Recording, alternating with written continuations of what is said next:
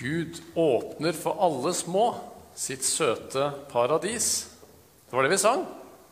Det er en fantastisk nyhet. Og det er sant. Det er jula. Det er det det handler om.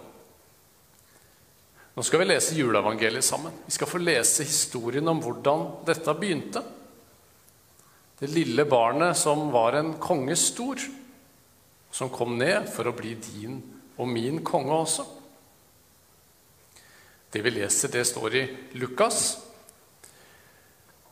og vi leser fra det andre kapitlet. Det skjedde i de dager at det gikk ut befaling fra keiser Augustus om at hele verden skulle innskrives i manntall. Denne første innskrivningen ble holdt mens Kvirinius var landshøvding i Syria. Og alle dro av sted for å la seg innskrive, hver til sin by. Josef dro da fra byen Nasaret i Galilea opp til Judea, til Davids by Betlehem, siden han var av Davids hus og ett, for å la seg innskrive sammen med Maria, som var lovet bort til ham, og som ventet barn. Og mens de var der, så kom tiden da hun skulle føde. Og hun fødte sin sønn, den førstefødte. Hun svøpte ham og la ham i en krybbe, for det var ikke husrom for dem. Det var noen gjetere der i nærheten som var ute på marken og holdt nattevakt over flokken sin. Med ett sto en Herrens engel foran dem, og Herrens herlighet lyste om dem. De ble overveldet av redsel. Men engelen sa til dem, 'Frykt ikke. Se, jeg forkynner dere en stor glede.' En glede for hele folket. I dag er det født dere en frelser i Davids by. Han er Messias, Herren. Og dette skal dere ha til tegn. Dere skal finne et barn som er svøpt og ligger i en krybbe. Med ett var engelen omgitt av en himmelsk hærskare som lovpriste Gud og sang. Ære være Gud i det høyeste, og fred på jorden blant mennesker Gud har glede i.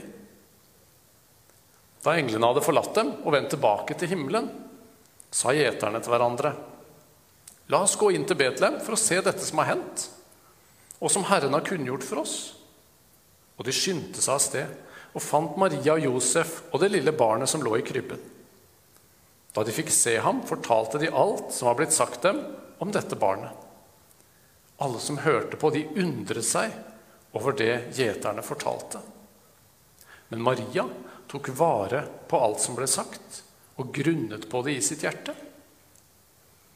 Gjeterne dro tilbake. De lovet og priste Gud for alt de hadde hørt og sett. Alt var slik det var sagt dem. Det skjedde i de dager.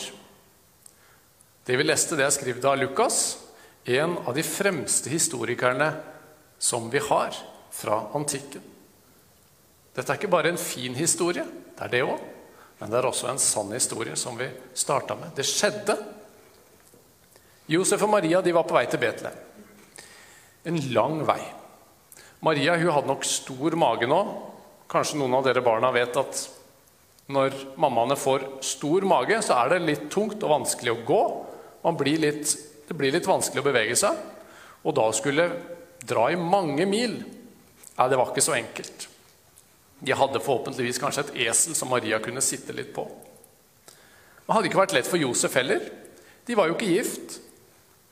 Maria var blitt gravid. Josef visste jo at han hadde ikke noe med det å gjøre. Han tenkte at jeg får bare bryte den forlovelsen her i stillhet, så ikke det blir skandale for Marias skyld.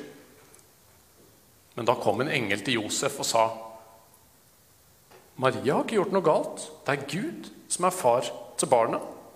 Dette er den lovede Messias. Det var jo helt utrolig, det engelen sa. Men Josef han trodde på det ordet allikevel. Fordi Josef sin gud, det var en gud som kunne gjøre utrolige ting. Og vet dere, det er han fortsatt. Og nå leda Josef Maria den lange veien til Betlehem. Da blir det deilig å komme fram, tenker jeg. Endelig legge seg nedpå litt. Hvile litt. Gud har vel kanskje ordna med et bra sted til oss? Tror dere Josef tenkte det? Ja, det tror jeg. Og så banker Josef på dørene. Har dere plass til oss? Nei, her er det fullt. Hei, jeg heter Josef, og jeg har en gravid kone og, og Nei, sorry. Vi var fulle allerede i går. Her er det ikke noe flere plass. Hei, jeg heter Josef, og vi er slitne, og det har vært en lang reise. og Nei, dessverre. Her er det fullt. Men hvis dere er kalde og sånn, så kan dere jo kanskje sove med dyra våre. Vi har en plass til de borti her.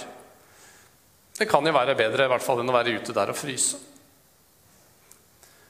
Etter Gud hadde jo ordna med et bra sted for denne familien. Jeg tror ikke det var det Josef tenkte. Det var i hvert fall ikke sånn han hadde tenkt. Jesus han ble ganske tidlig vant med det å ikke bli invitert inn. At det ikke var plass til han. Men selv om ikke Jesus ble ønska velkommen med hurrarop og flagg og, og, sånn som vi gjør på 17. mai der i Betlehem, som den kongen han var, så kom han likevel. Han lot seg ikke stoppe. Han ble født der sammen med dyra, og han klagde ikke på det. Tvert imot, kanskje. For Jesus han fødes i de hjertene som tar imot han. Også der hvor det er, der hvor det er både skittent og rotete og kanskje lukter litt merkelig. Har du ikke gjort storvask i hjertet? sier du kanskje. Ja, vi kan tenke det. Er det mye mørke og skitt, synd og dårlige vaner? Lite plass? Gi plass til Jesus. Slipp han inn. Det er nettopp til sånne som deg og meg Jesus vil komme for å bli født i vårt hjerte. Så la det være hjerterom for Jesus. Så kommer han med sitt lys og gjør det reint. Og han vil rydde bort andre ting, sånn at han får god plass. Selv om ikke folk i Betlehem vet at det er selve Israels Gud som nå er på besøk denne julenatta. Englene de vet veldig godt hva som skjer.